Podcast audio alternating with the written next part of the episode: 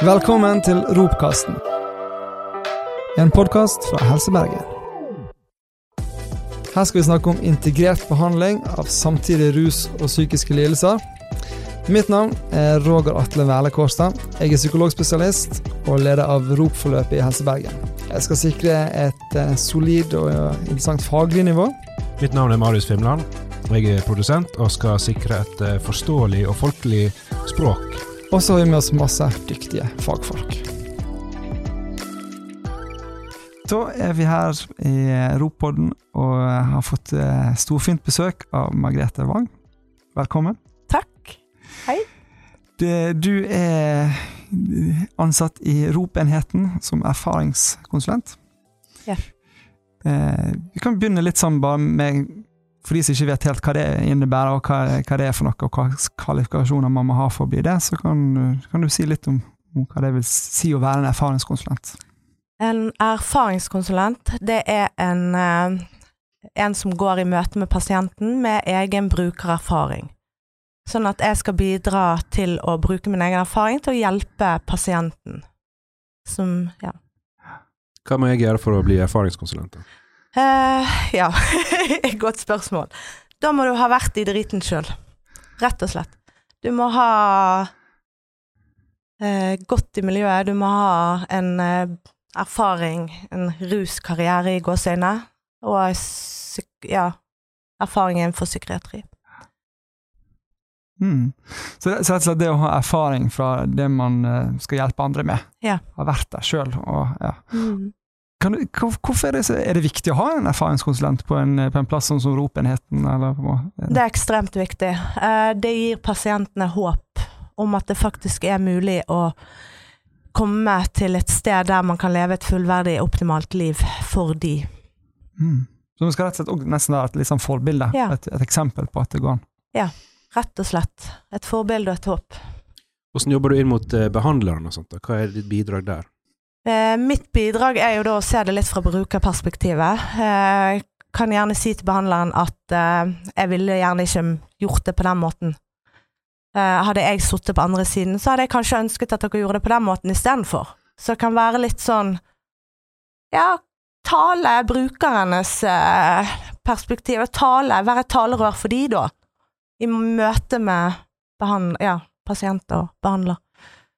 Hva, hva ville jeg blitt møtt med sjøl? Når jeg sto i den situasjonen. En ting som i hvert fall jeg har fått erfart med at eh, når jeg har vært behandler og vært med sånn, da blir man sett på litt som en sånn mer sånn profesjonell sånn utenforstående, holdt jeg på å si.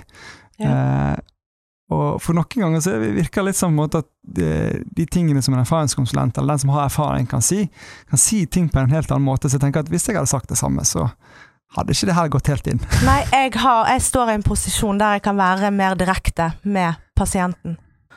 Jeg kan gå inn og være dønn direkte, på en god måte selvfølgelig, og em, ta ting gjerne litt på en ja, annerledes. Jeg kan si det litt mer rett ut. Ja, for det, det, det tror jeg at, at det som vi som behandler, eller på en måte som eh, deg på en måte utenfor det, Hvis vi hadde sagt det samme, så ville vi møtt mye motstand. Det ville dere. Litt sånn 'det her var ovenfra ned'-type ting. Ja. Rett og slett. Mens eh, du står i en posisjon der du på en måte bare kan si sånn rett ut 'Hvem er det du lurer?' Hva er det, det her er sånn, sånn det er. Jeg kjenner igjen de her tingene her. De triksene kan jeg. Jeg har lyst til å fortelle litt om eh, på en måte din reise inn i rusepsykiatri og din reise ut igjen. Hvordan det var? Ja, det kan jeg. Jeg, eh, jeg begynte jo ganske tidlig å ruse meg. Eh, veldig ung alder. Begynte vel på slutten av barneskolen å eksperimentere litt. Um, det som var Det som jeg har funnet ut i ettertid, da, det som var på en måte Det som gjorde at jeg begynte å ruse meg, var jo angsten min. Og alle disse her udiagnostisert ADHD med mistanke om Tourettes. Jeg følte et utenforskap. Jeg eh, følte meg ensom. Og eh, jeg hadde mye tanker og følelser, og rusen ga meg på en måte en, eh, en ro. Og så er det dette her med aksept. Så min vei var på en måte å hoppe i det, og så eskalerte det. Så ble det mer og mer. Og så eksperimenterte jeg med forskjellige rusmidler, og så ble jeg blandingsmisbruker. Uh, og så hadde jeg en behandler, uh, en psykolog på DPS, uh, og han drev faktisk med oppsøkende virksomhet. Eh, hvis jeg ikke møtte opp til timer, så kom han plutselig på døren min. Eh, og så Det var han som holdt meg på en måte litt jordet, da. Så døde han i en trefellingsulykke, og da falt jeg mellom to stoler i systemet.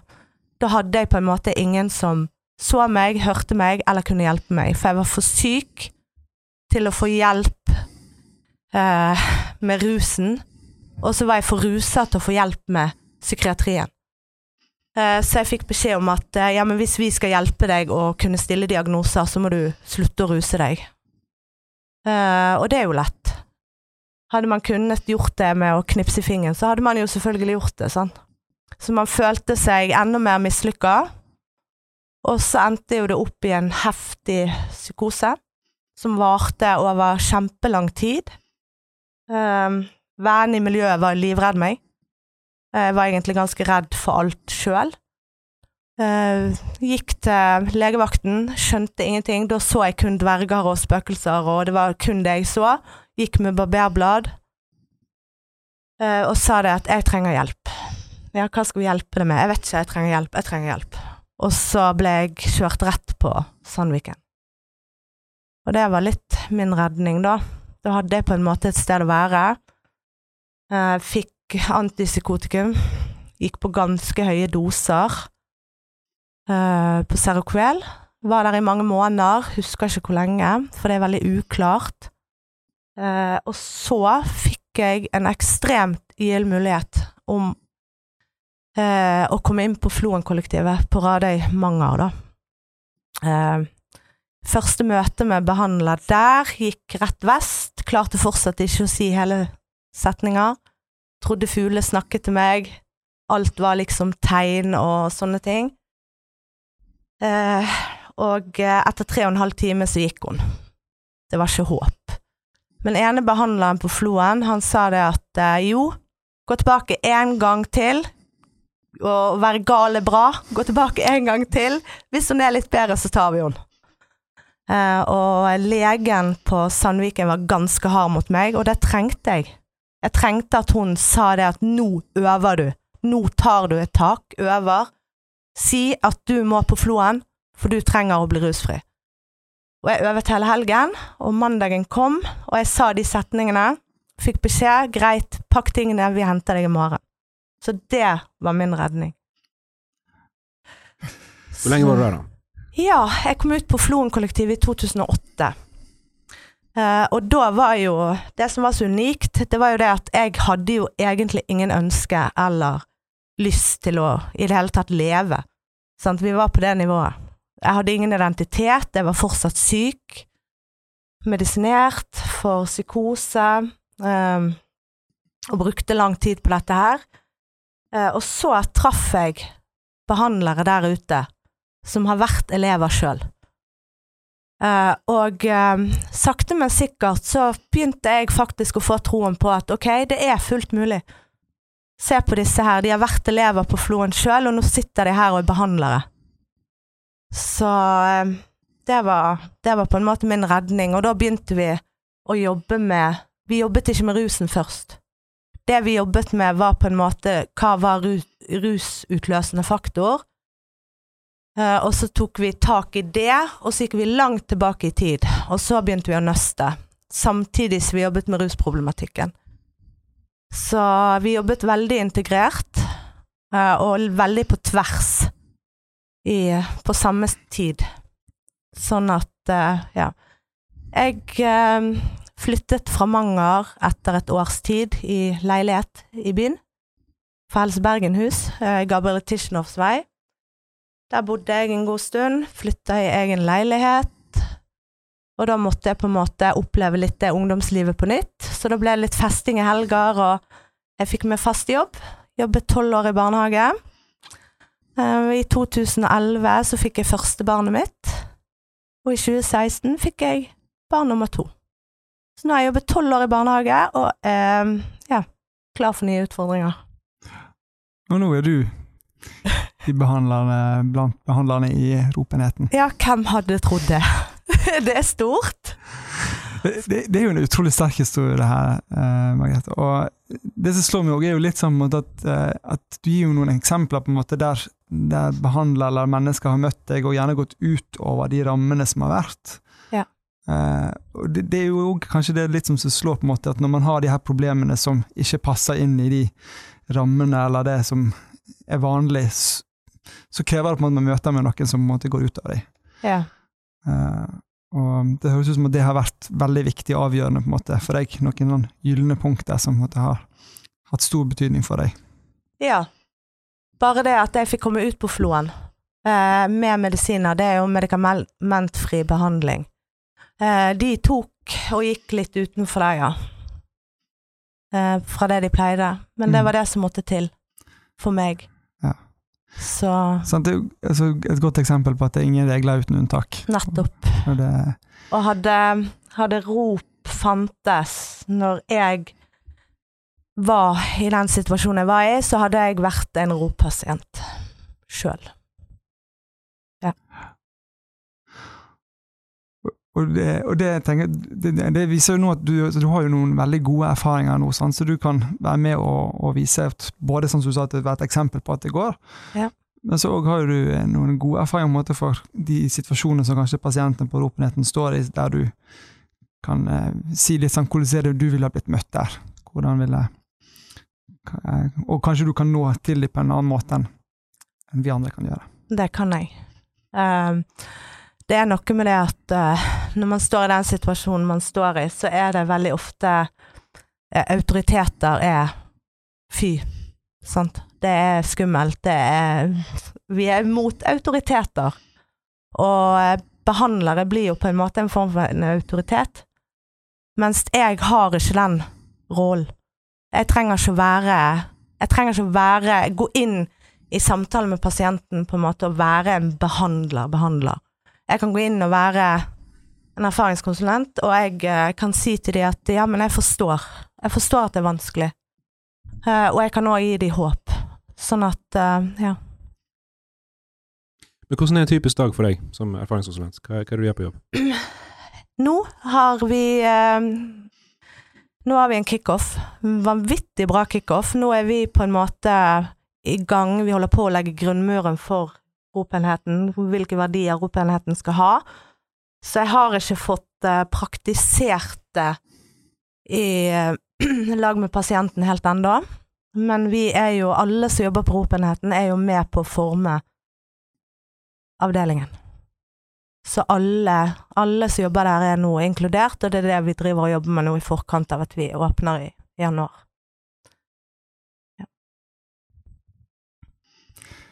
Og så eh, vil, vil det jo være litt sånn, for du er, er jo 100 fast ansatt, eh, og vil jo gå inn i en del av miljøpersonalet, og, og være en del på en måte på lik linje med de andre som jobber i miljøet. Og, Det vil jeg. Ja. Jeg vil eh, være med på de daglige rutinene og ha forskjellige vakter og jobbe turnus, og, så jeg er på en måte en del av personalet. Jeg går ikke på tvers. og, det har vært litt sånn viktig når vi skulle på en måte få inn en erfaringskonsulent, når vi planla det her, at vi, eh, vi tenkte at vi, vi trenger noen som på en måte er med på lik linje med de andre, Mm. og ikke noen som på en måte bare er sånn på topp, eller Ja. Men eh, som, eh, som er like viktig, og kanskje viktigere på mange områder enn de andre.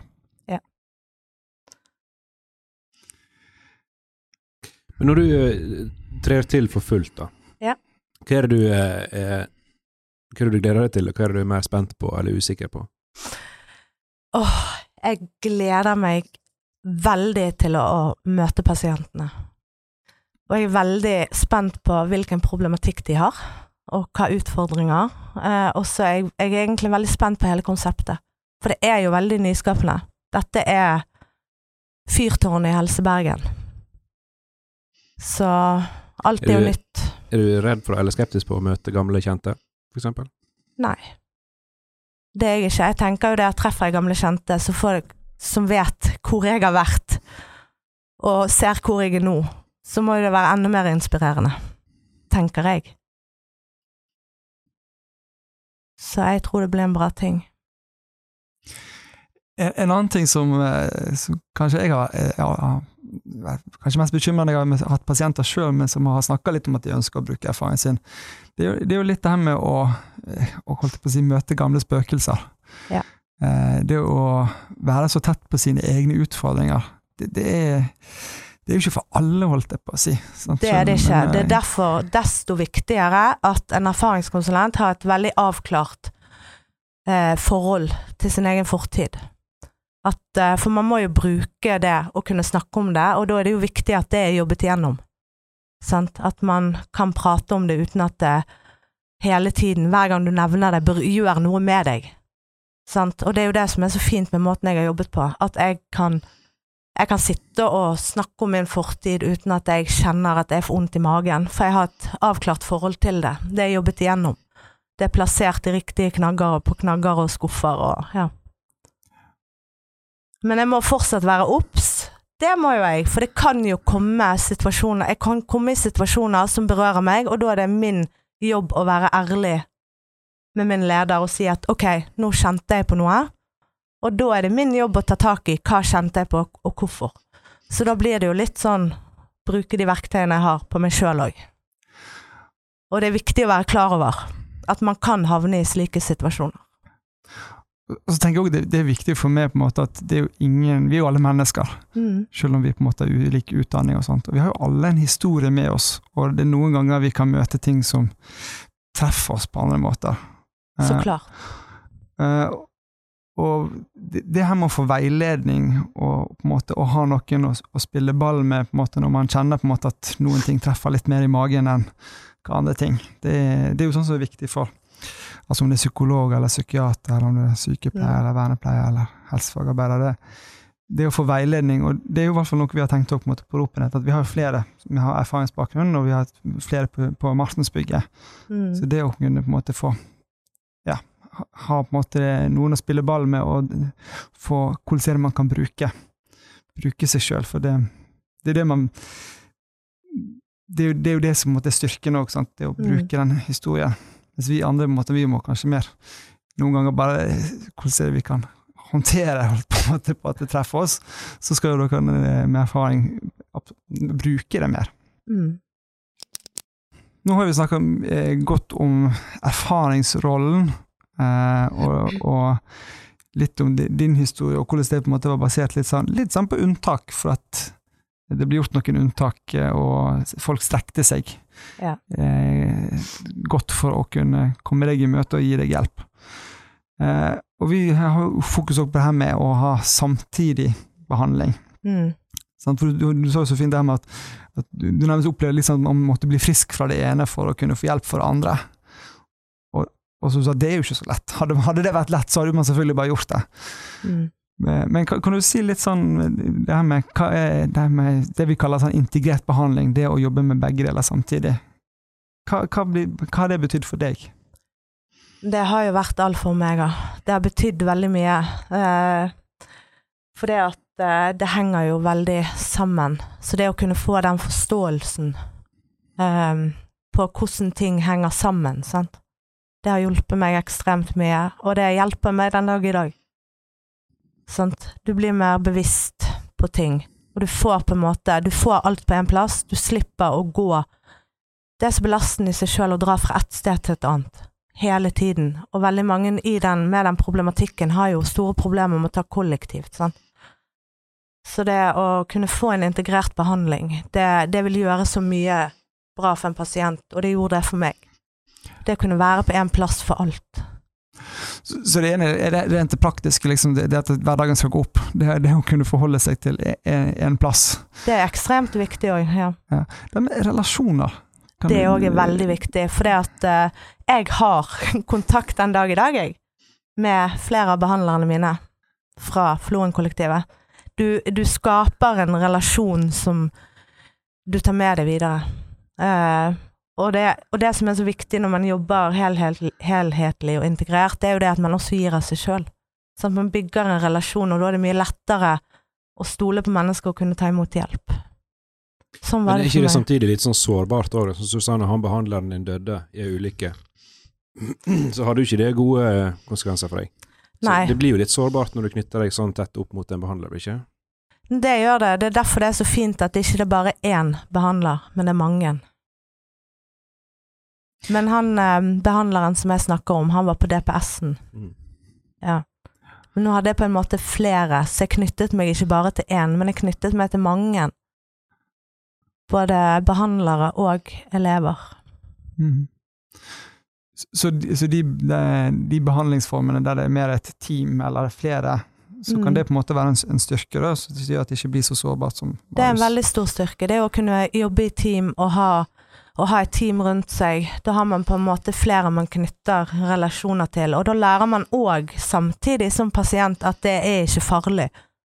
Sånn, det er det der, for det å, å knytte relasjoner, det, det, skaper ofte en utrygghet hos en pasient. Sånn.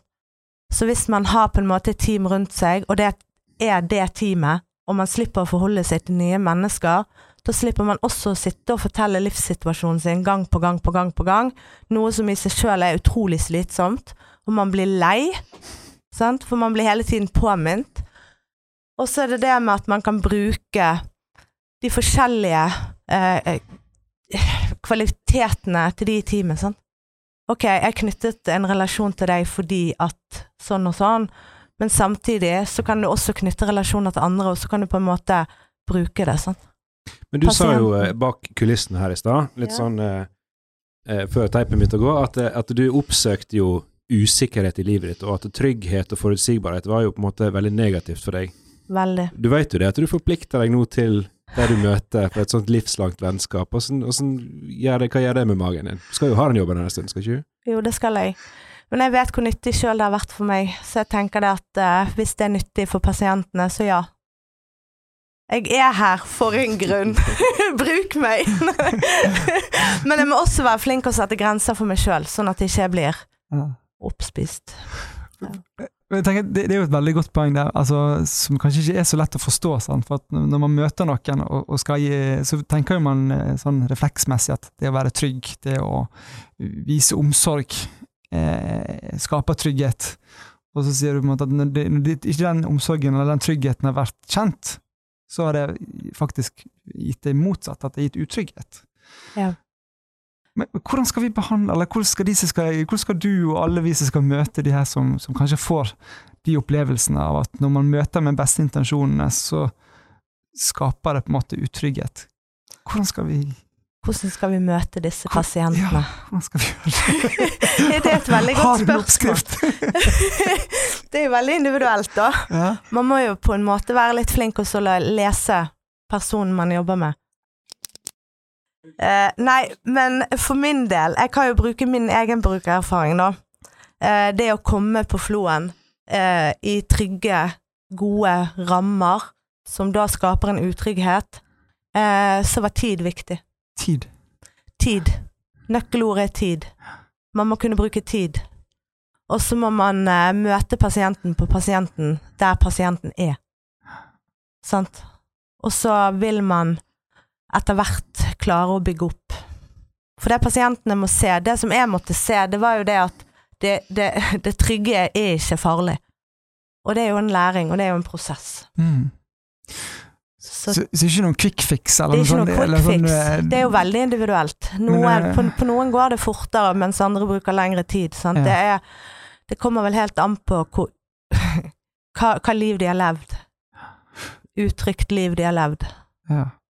Så hvis jeg forstår det riktig, så noen av stikkordene er, er, litt det, det, er tid, og, og, litt å stå i det, da? Stå i det er viktig. Man må ikke gi opp. Men man må ikke være for pågående heller. Nei, så man må der, gi litt rom til å kunne Man må gi både rom og tid, og på en måte Man må være flink å lese situasjonen. Mm. Og det her var det du opplevde å bli møtt med? Tid og, ja. og, og rom? Litt til å Jeg følte at ting var litt på mine premisser òg. Ja. Det var veldig viktig, for når jeg følte, hvis jeg følte for at jeg må trekke meg vekk, så fikk jeg mulighet til å gjøre det. sant? Det var ikke det sånn pågående. Og da fikk jeg på en måte litt denne prosessen med at ok, ting er litt på mine premisser, det er rammer, men jeg har på en måte medbestemmelse, og det er ekstremt viktig i behandling. At pasienten har medbestemmelse i eget liv. Mm. Og egen behandling. jeg kjenner det nesten vanskelig å ikke komme inn på et van vanskelig tema, altså det med tvang. Altså det å, for du, du sier jo på en måte så viktig her nå, sant? at det at ting blir gjort på en måte på, på premissene, på en måte at Mm. pasienten føler at han har kontroll og, og Tvang, er, tvang er et viktig tema. Ja. Uh, for uh, jeg ble jo Jeg ble møtt med tvang. Uh, jeg opplevde tvang på Sandviken, og jeg er glad for det i dag. Hadde ikke de gjort det med meg, så hadde jeg ikke vært her. For jeg prøvde å ta livet av meg, og jeg var ganske nær ved å klare det, før de kom løpende inn på rommet og ja, tok meg i armer og bein og bærte meg og ja, nærmest reimet meg fast. mm. Så jeg, jeg er veldig glad for det. Men jeg tenker det er tvang som siste utvei. Men noen ganger så må man faktisk for pasientens eget beste. Mm. Så det er jo ved fare for, altså akutt fare for din egen helse eller andres helse. Nettopp. Og så er det en sånn siste med eh, Hva var det? Fare for betydelig skadeverk på, på ting, da. Altså ei, hva heter bygninger eller gjenstander. Mm. Så det er de tre, ikke? Eller? Farlig. Farlig utdanning. Det ja. Det er greit å vite. skulle snakke mest om, så det var ikke helt refleksene. Men, men eh, ja, altså, for det, det er jo eh, Altså, du har jo hensynet for omverdenen, om å skade på andre, og så har du skade på seg sjøl. Og så Mm. eh, jo litt det her som har vært eh, eh, Samtykke er jo et ting som har kommet veldig inn i tvang, som, eh, som eh, ikke har vært der alltid.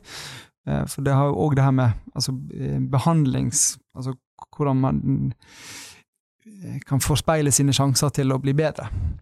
Men og det er nok Det er jo ve veldig vanskelig å vurdere på en måte det her, og når er det riktig. Men jeg, tenker at du gir jo et godt eksempel på, på tvang. altså når At noen ganger så er det helt livsviktig. Og det, og det eneste på en måte egentlig riktige. Og så sier du i etterkant, så, så er du takknemlig for det. Mm. Og så tipper jeg, uten at jeg har kjent deg helt, men jeg tipper at akkurat da du sto i det, så var du kanskje ikke så begeistra. Nei. Jeg var sint, jeg var skuffet, jeg var Alle følelsene på en gang. Ja, Mislykket. sant. Ja, Og var veldig sint på pleierne. Behandlerne. ja. Ja. Sånn, for, for, det, for det du blir møtt med der, sant, som du sier i ettertid, så var helt helt vesen, altså helt, For at du skulle på en måte klare å komme deg gjennom der, akkurat de tøffeste periodene der, så Mm. var det på en måte det, kanskje det eneste verktøyet som kunne hjelpe deg der og da. Ja. Og så samtidig så vekker det noen ting hos deg som, eh, når du sier det høres ganske forskjellig ut fra det du på en måte sier, det som må til for å få relasjon og trygghet. og Det blir ganske mots motsetninger. Det blir det, men så er det nødvendigvis ikke min rolle å ta pasienten på tvang. Min rolle, min rolle Jeg skal være en brobygger. Jeg skal skape relasjoner. Det er faktisk en del av min jobb. Mm. Eh, sånn at de tingene som kan skape eh, utrygghet eller en dårlig relasjon, trenger nødvendigvis ikke jeg å gå inn og gjøre, Mm. tenker jeg. Det er ikke hensiktsmessig, for da vil Det vil være med på å forhindre at jeg får den gode relasjonen til pasienten, sant. Ja, og, og litt sånn eh, Nå har ikke vi hatt om traume ennå på, en måte på opplæringsprogrammet, men, men det er jo noe med at eh, selv om du på en måte har avklart det på en måte med, med tenkehjernen din, Mm. så kan det være kroppen din husker noe annet når du kommer i en sånn setting der. det, det er viktig å være obs på. Man må hele tiden være bevisst på seg sjøl. og man må være ærlig og åpen, og kjenner, kjenner man noe, så må man faktisk sette ord på det. Og da er det jo mer naturlig å gå til sin nærmeste leder og faktisk 'Dette her kjente jeg på, dette gjorde noe med meg', sånn at nå må jeg bare gå litt i prosess med meg sjøl og, og kjenne etter hva, hva var det som skjedde med meg. Så jeg vil jo, jeg vil jo kunne få brukt verktøyene på meg sjøl òg. Og det vil jo bevisstgjøre meg sjøl litt mer òg. Må være i en sånn jobb. Mm. Tvang er et vanskelig tema. Men hvis vi går litt videre i forhold til det her med integrert behandling, og eh, hva, hva har du opplevd på en måte som Hvordan ble det ivaretatt, syns du, eh, på de ulike som har gitt deg behandling opp gjennom tidene? For det, det, er veldig lett på en måte med ting som ikke er, helt sånn som man ønsker, at man kan peke veldig lett på de tingene som ikke fungerer. Mm. Så ikke alltid vi lærer så mye av det, for vi lærer gjerne mye bedre av å liksom forsterke eller på en måte fremheve det som faktisk fungerte. Ja. Så når, når du opplevde integrert behandling, hva Mm. Hvordan merket du det, eller hvor, ja, hvordan fungerte det? Det var, for å være helt dønn ærlig, ekstremt vanskelig. Det var det. For man tar ikke bare tak i én ting, man tar tak på en måte i alt. Og å skulle sitte og nøste og kjenne og føle og tenke og oppleve ting på nytt, det er tøft. Men samtidig så er det utrolig nyttig, fordi at eh, du blir kjent med deg sjøl. Du finner på en måte igjen deg sjøl. Eh, det er med på å hjelpe å bygge opp identiteten din igjen. Sant? Så for meg var integrert behandling alfa og omega. Eh, jeg, bruker, jeg bruker verktøyene jeg, jeg lærte den dag i dag, jeg. I forhold til min egen angsthåndtering og alt dette her. Men visste du hvor vanskelig det kom til å bli når du gikk inn i det? Jeg hadde vel en anelse, ja. Det var jo en av de tingene som la en demper på meg da, for å søke hjelp tidligere. At det er, det er tøft, det er tungt, man starter på en måte på nytt. Så man vet hvem man er med rusen, men man vet ikke hvem man er etterpå. Man bygger opp et helt nytt liv. Og det er tøft, og det tror jeg hindrer mange òg i å søke hjelp. Så integrert behandling er ekstremt viktig, for man jobber med hele mennesket. Alle problemene og problematikken man har med, og utfordringene. Så man jobber med alt Mm. samtidig. Man hopper litt frem og tilbake òg. Ja. Det er ikke sånn at ok, nå er vi der i behandling. Det er veldig sånn Ja, man Mange tema som man mange tema, så Ja. plutselig så kommer det temaet opp, og så må man jobbe med det, og så hopper man litt tilbake i tid, sant. Det er dette her nøstet ja. som man skal klare å nøste sammen, Mm. sånn at det på en måte gir mening. tenker på det, det du sier, at det er tøft og, eh, og tar tid og, og vanskelig.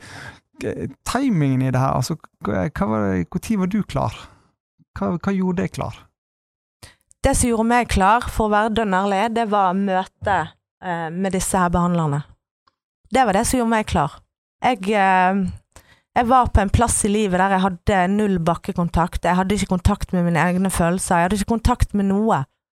Alt var på en måte veldig svevende og uklart og Sant? Og så møtte jeg disse her og behandlerne, som da sitter der og De begynte jo med å fortelle om seg sjøl. Det var jo sånn vi skapte relasjon. De satt og snakket faktisk om seg sjøl til meg. De ga ekstremt mye av seg sjøl. Og jeg var veldig sånn avvisende og litt sånn, ja, litt sånn frem og tilbake. Men så, jeg syns jo det var veldig fascinerende å sitte og høre på, da. Sant? Det ga jo mening, selv om det ikke ga mening, hvis dere skjønner. Mm. Så jeg ble veldig så det, ble, det, det ga meg en undring. Ok, kanskje det ikke er så dumt. Ja, kanskje litt, da. Ja, vi kan prøve litt. Så begynte jeg å snakke litt, og så ble det veldig interessant. Mm. Så din måte, motivasjon og klar for å jobbe med det, den var Mm. ikke på plass før du på en måte egentlig kom i behandling, men den ble skapt av møtet ditt, av Ja. relasjonbyggingen. Mm.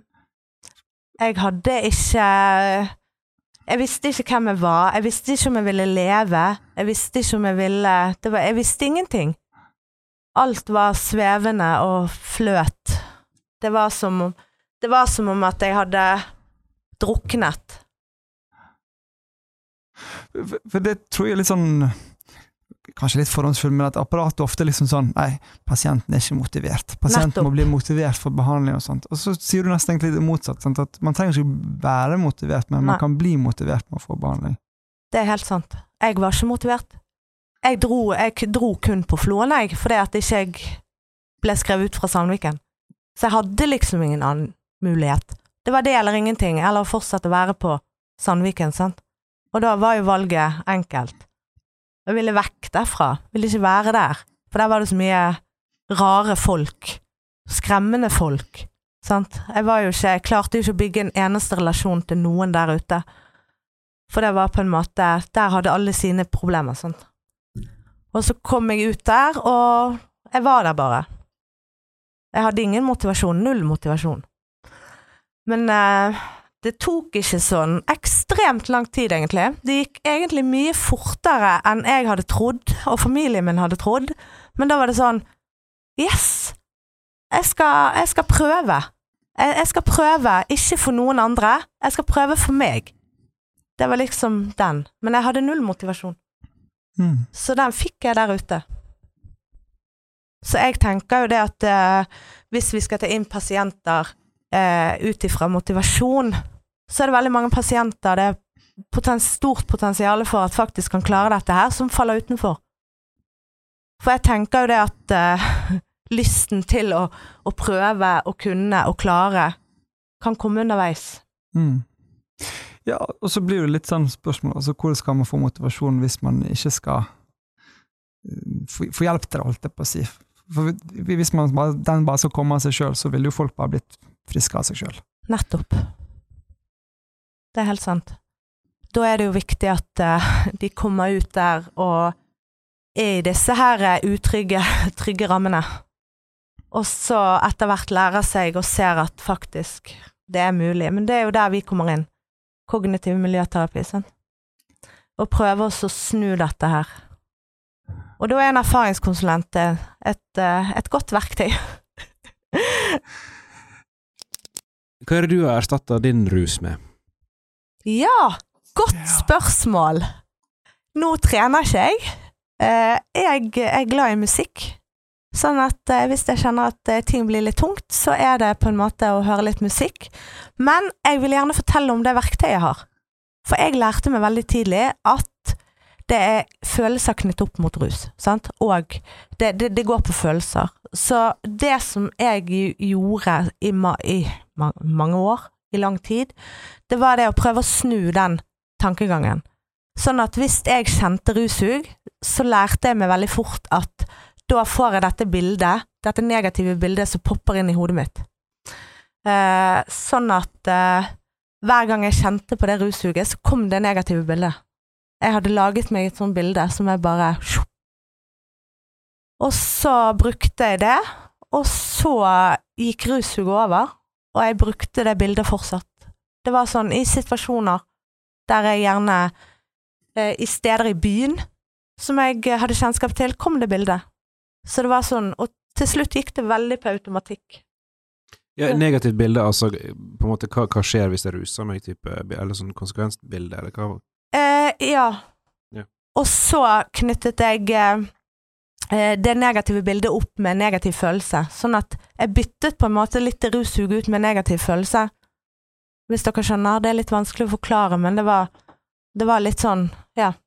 Og det brukte jeg lenge, og så gikk det til slutt veldig på automatikk, og så gikk det over. Så jeg har vel byttet ut rusen med familieliv og hverdagen og jobb og ja, Ja. livet. Livet, ja. Rett og slett livet. Ja. Jeg byttet rusen ut med livet. Enkelt og greit. Ja. Ja.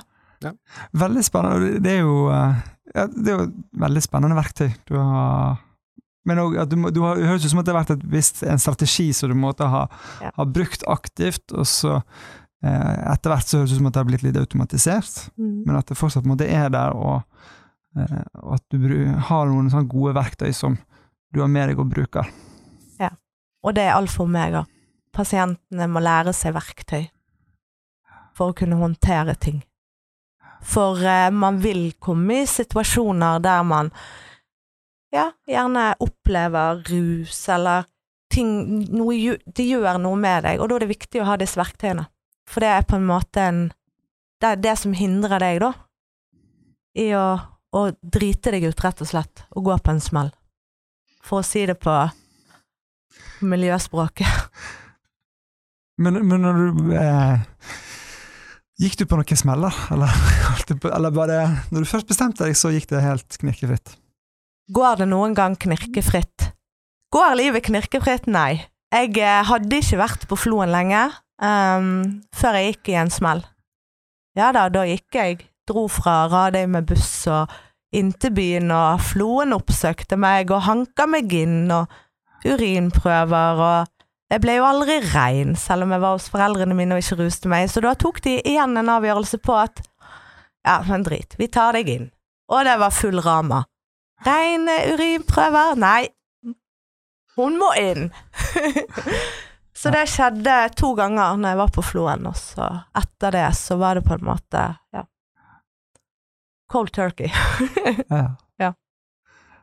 Nei, men det, det, det, er jo, det er viktig å ha med sant, at det er, det er ikke alltid at altså det, det, er jo, litt med av eh, behandlingen. At man går, av og til går på noen smeller. Det som er veldig livet, som sier. Det som er viktig å huske, det er at selv om man har en, har en sprekk, så betyr ikke det at man havner helt tilbake til dit man var. Og det er viktig, å, viktig at pasienten vet. Nå er ikke det fullt setback. Sant? Ok, man hadde en sprekk, men da må man ta tak i det og jobbe med det. Sant? Og da er det igjen hva følelse, hvorfor, sant? undre, hva, hvordan, hvorfor, hva skjedde, Mm. hva gjorde det med deg? For noen ganger kan man til og med lære noe av. Nettopp. Eh, en, en ting som slår meg også når du beskriver litt eh, hvordan du ble møtt, og hva som måtte gjorde deg eh, at du både fikk motivasjon, men òg en relasjon, var jo at de bød mye på seg sjøl. Mm. Eh, og så lurer jeg litt sånn på der, der, der er jo vi litt forskjellige, holdt jeg på å si, både mennesker og Det er vel kanskje ikke alle som er Eller syns det kan være litt sånn for skummelt, og, og kanskje noen til og med tenker at det kan være noe negativt det å dele for mye. Vi, man snakker jo noen ganger om og det er forskjell på på å være personlig og være privat. Men ja, har du, har du- noen tips, eller hvordan skal man kunne klare å lage relasjon? Hvordan skal eh, Vær deg sjøl. Det er så viktig. Du må være deg sjøl, og det gjelder også behandlere. Og vær deg sjøl i møte med pasienten, for hvis du prøver å være noen andre enn det du er, så vil pasienten sense det med en gang. Det er viktig bare å være seg sjøl. Ekstremt viktig. mm. Mm. Så rett og slett det er bare å være seg sjøl. Vær deg sjøl. Ja. Vær deg sjøl. Vær et medmenneske. Møt pasienten med respekt. Vær respektfull og undrende, og vær deg sjøl. Mm. Og hvis du føler for å gi litt av deg sjøl, så gjør det. For det er beste måten å bygge en relasjon på. Det er eh, Jeg klarer ikke å bygge en relasjon til en person som ikke gir noe av seg sjøl.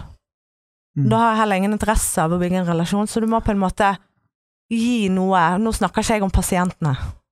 Nå snakker jeg om hverdagen. Sånn. Alle. Ja. Generell basis. Ja. Ja. Så det å være seg sjøl, og det å, å være litt sånn sårbar, rett og slett for å kunne dele av seg sjøl. Ja, men samtidig så må du òg være ve veldig bevisst på at uh, du ikke tråkker over en grense for deg da.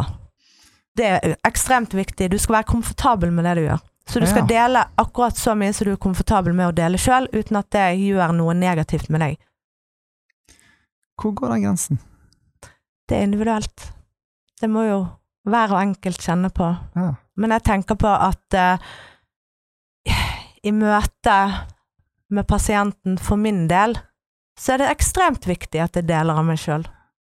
Og det er jeg innforstått med, ellers hadde ikke jeg tatt denne jobben. Ja, For du er jo utrolig modig i forhold til hvor mye du deler, og hvor mye personlig, og eh, jeg kjenner sjøl, jeg hadde ikke turt å sitte her og, og blottlagt meg på samme måte. Nei? Eh, men eh, hvordan kjenner altså hvordan eh, skal man vite helt hvor grensen til en sjøl går? De som ikke har på en måte så mye Som ikke er så reflektert over det som, som du er. Det er jo å kjenne etter på egne følelser. Det er jo ingen som kjenner deg bedre enn deg sjøl. Så det er på en måte litt din jobb å kjenne etter. Hva er komfortabelt for meg? Og så være tro mot seg sjøl, og ikke gjøre noe man angrer på i ettertid. Ekstremt viktig.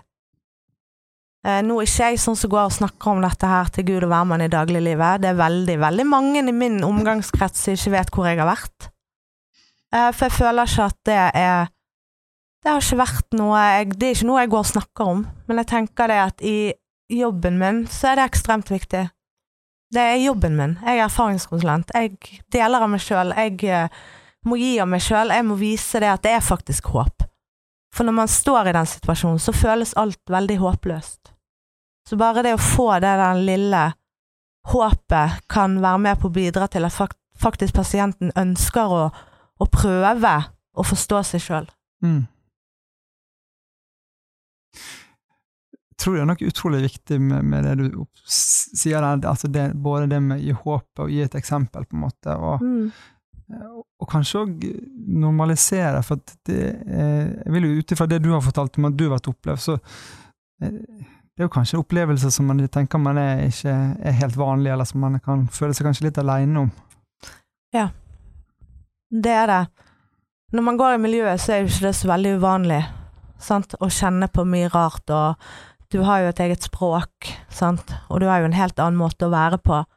Men så er det jo dette her, sånn som verden er bygd opp, og sånn som verden fungerer, så er jo rusmisbrukerne er jo en outsider. De med rusutfordringer, og faktisk mange psykiske lidelser, er på en måte outsidere, og mange er redd for dem. Det er et stigma. Eh, som òg kan være med på å hindre at fak faktisk folk har lyst til å slutte å ruse seg, lyst til å ta tak i disse problemene, for da må man leve med dette stigmaet som man, har, som man er vant til. Sånn. Mm. Så når man blir da rusfri og nyktern og lever et optimalt liv, så tror jeg mange også vil kanskje tenke det at uh, det er et stigma. Sånn. Jeg har vært rusmisbruker, så det er òg ekstremt viktig å jobbe med. Synet på seg sjøl. Mm. At man tenker at eh, det man har vært igjennom, er heller med på å forme deg til den du er i dag. Du kommer ut av det med begge beina plantet på jorden, og du er et mye sterkere menneske som takler motgang så utrolig mye bedre enn veldig mange andre. Sånn at eh, det er òg en ting at vi må hjelpe pasienten til faktisk å få vekk det stigmaet Mm. overfor seg sjøl. Hadde du lyst til å bli frisk i gårsdagen? Nei, jeg visste jo ikke hva det var. Jeg visste ikke hva jeg gikk til. Å gå til det ukjente er skummelt. Kjempeskummelt. Og så er det, blir man frisk, skal man leve med dette vedhenget resten av livet? Men så tenker jeg, det blir det du gjør det til. Nå velger jeg å bruke dette til noe bra. Og kanskje være en inspirasjon. Så jeg tenker jo det at ja, jeg har gjort dumme valg, ja, jeg har hatt masse utfordringer og levd et veldig tøft og hardt og trist, nitrist liv, men se hvor jeg står nå, og hva det har fått meg til å bli den dag i dag. Så jeg tenker jo alt, alt som du opplever er med på å forme deg som menneske. Så nå føler jo jeg det at nå kan jeg endelig, nå er ikke livet mitt forgjeves. Det livet jeg levde tidligere, og de utfordringene jeg hadde, det er ikke forgjeves. Nå kan jeg på en måte være med å bidra. Det med utenforskap, altså det, det, er jo, eh, det er utrolig sterke krefter, sant? for vi er flokkdyr. Det å føle seg utenfor, eh, Ja. da er vi svake, og da vil vi trekke til hva, hva det enn er. Men- det å, da, som du sier, det å komme seg inn i, i ut av måte det eh, miljøet og inn i et mer sånn det andre samfunnet, nærmest. da. Mm. Hvordan, for det, det, er jo, det er jo noe utrygt men det ukjente. Ja. Hvordan, eh, hvordan skal vi hjelpe, eller hva trenger pasienter for å, å liksom tørre det? For det er jo en stor bøy, der. Pasienten må vite at pasienten har noe å gå til. Ekstremt viktig. Ettervern. Ettervern. Og pasienten kan ikke bli skrevet ut fra en avdeling, og så bor du nærmest på gaten eller hospits. Det er, det er krise. Må det, på, det må være bolig, det må være fritidsaktiviteter, kanskje skole, jobb, alt dette her.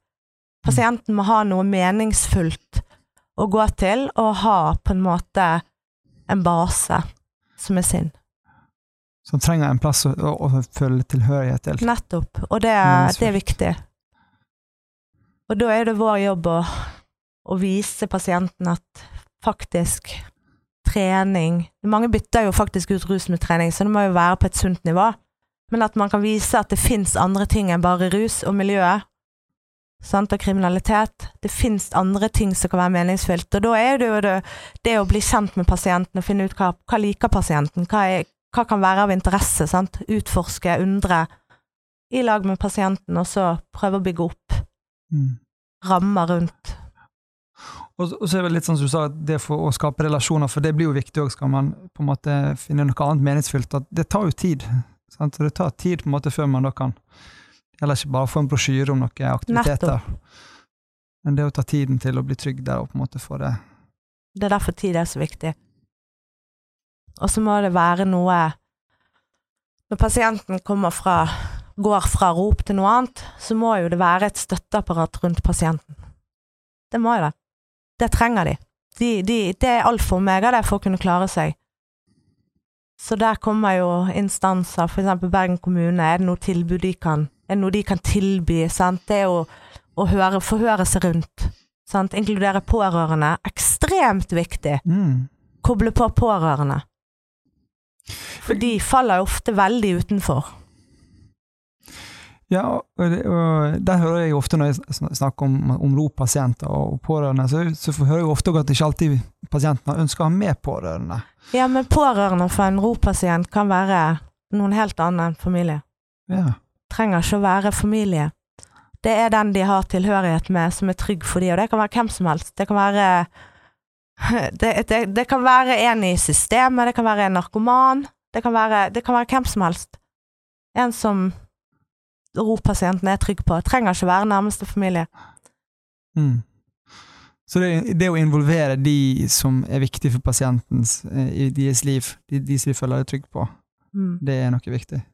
Det er noe viktig, men så er det òg en hårfin balanse, for det at jeg er naboen din som er kjempetung rusmisbruker, din nærmeste, sant, eh, så er jo det det også å prøve å bygge relasjon til familien, sant, noen som kan være faktisk eh, konstruktiv istedenfor destruktiv. Sant? Så det er det med Da må vi jobbe med pasientene. Er dette her virkelig Er dette virkelig en trygg og god person for deg? Vi, sant? Eh, ja, det er en trygghet for deg nå, men skal vi utforske litt mer? Sant? Mm. Skal vi utforske om det er noe mer der ute? Noen andre, eller hva? Hvem, hvem som bryr seg? Hvem som kan være en Mm. god støtte i veien? Hva vil være viktige råd når vi skal involvere pårørende? De har jo kanskje mye spørsmål og Jeg tenker det at eh, vi må gi pårørende det de trenger. Eh, hvis eh, pasienten ikke ønsker at eh, familie er pårørende, men de er jo pårørende for det, selv om ikke de står oppført som nærmeste pårørende, det er viktig å gi pårørende, familie, det de trenger. Om vi ikke kan gå i detalj i pasienten og problematikken der, så kan vi i hvert fall gi generell informasjon.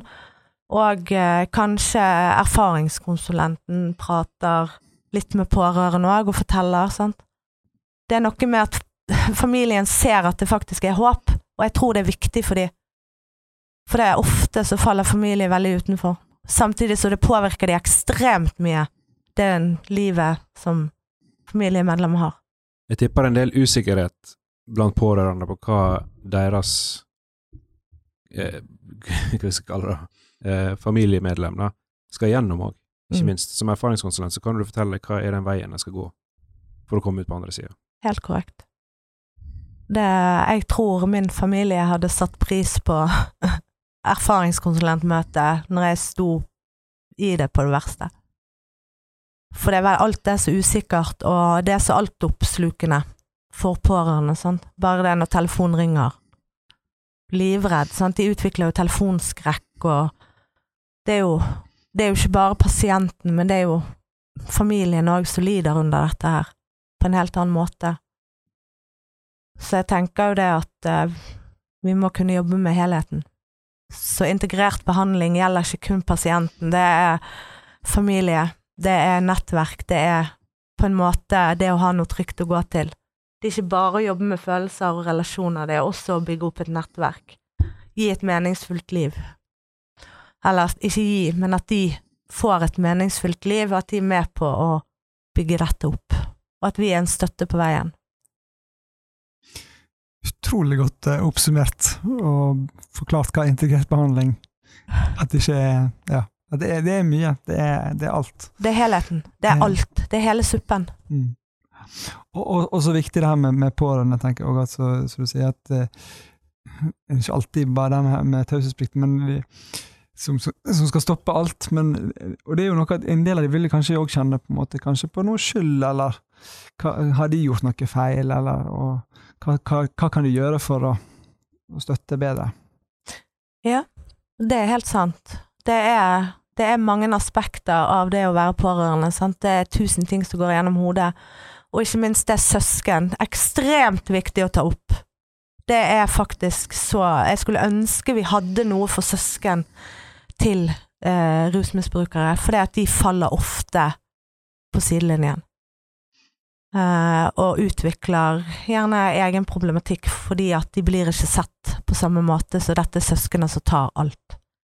Behandlere og, og de, vi, vi, forsvinner nå inn og ut, holdt jeg på å si, sant? men familie er jo der. For selv om pasienten har et dårlig forhold til familie, så kan det på en måte bygge, det kan bygges opp igjen. Det kan det. Og mange familiemedlemmer har jo òg gjerne kommet i en sånn situasjon der de har faktisk tatt avstand til pasienten. Vi orker ikke mer. Sant? Vi kutter deg fordi at vi trenger å beskytte oss sjøl for dette er galskapen du holder på med. Rett og slett med rene ord. Mm. Eh, og, eh, og da har du på en måte Da har du jo ingen. Men jeg vet at det går an å bygge det opp igjen.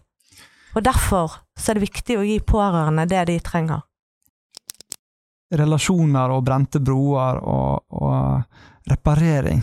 Mm. Kan du si noe? Er det mulig å reparere brente broer? Det er mulig å reparere brente broer. Jeg eh, har et kjempegodt forhold til min familie. De er, de er alt for meg. Og jeg er utrolig takknemlig for den støtten de alltid viser meg. Selv om alle broer var brent, så er det noe med det at eh, det kan repareres. Men eh, da må også pårørende få det, det, de trenger, sånn at de kan være med på å bygge opp igjen. For det er ikke bare pasienten som skal bygge opp. Det gjelder pårørende og tillit. Sant? Takler vi mer skuffelser? Sant? Det er det å gang på gang på gang på gang møte skuffelser og løgn. Sant? Det tar tid, men det er fullt mulig. Jeg vil vel si det at eh, alt er mulig. Alt er mulig. Selv om det føles mørkt og umulig og helt eh, på bånn, så er det håp. Så. Og det er det vi må finne. Vi må finne håpet. Hvor ligger det? Inni der et eller annet sted. Mm. For det må håp til før man kan gjøre endring. Man klarer ikke å endre noe hvis man ikke har håp om at man klarer det. Og så går håpet over til troen. Så det er der vi må på en måte være med å dra pasienten fra bare å ha det håpet til å faktisk Ja, ok, jeg tror dette er fullt mulig. Håp og tro. Håp og tro. Mm. Og der jeg tenker at din historie er så sterk og så viktig, som et godt eksempel på at eh, håp og tro, det er alt mulig. Det har vært utrolig kjekt å, å få snakke med deg, Margrethe. Det, jeg gleder meg masse til praten vår i dag, og jeg vet at du har grua deg litt. Det har jeg. Men, Men jeg eh, tenker det at eh, det er bra, bra å utfordre seg sjøl. Ja. Stå i det. Ja, du gjør det. Ja. Og det, det, det tenker jeg jo det som jeg vet at du eh, er et veldig godt eksempel på, er jo måte, altså det her med å ja, hoppe i det og, og stå i det og det, det er noe vi, eh, som er så viktig for erfaringskonsulenter. Sant? At det, det, det å kunne være det eksempelet, og det å kunne være den som kan vise at det, det er mulig å stå i det, og det er mulig å reparere. Mm. Men vi må ha tid, vi må ha tålmodighet, og så er alt mulig. Ja. Helt sant. Tusen hjertelig takk. Så, eh, Tusen hjertelig takk for at jeg fikk være her. veldig. Takk for meg.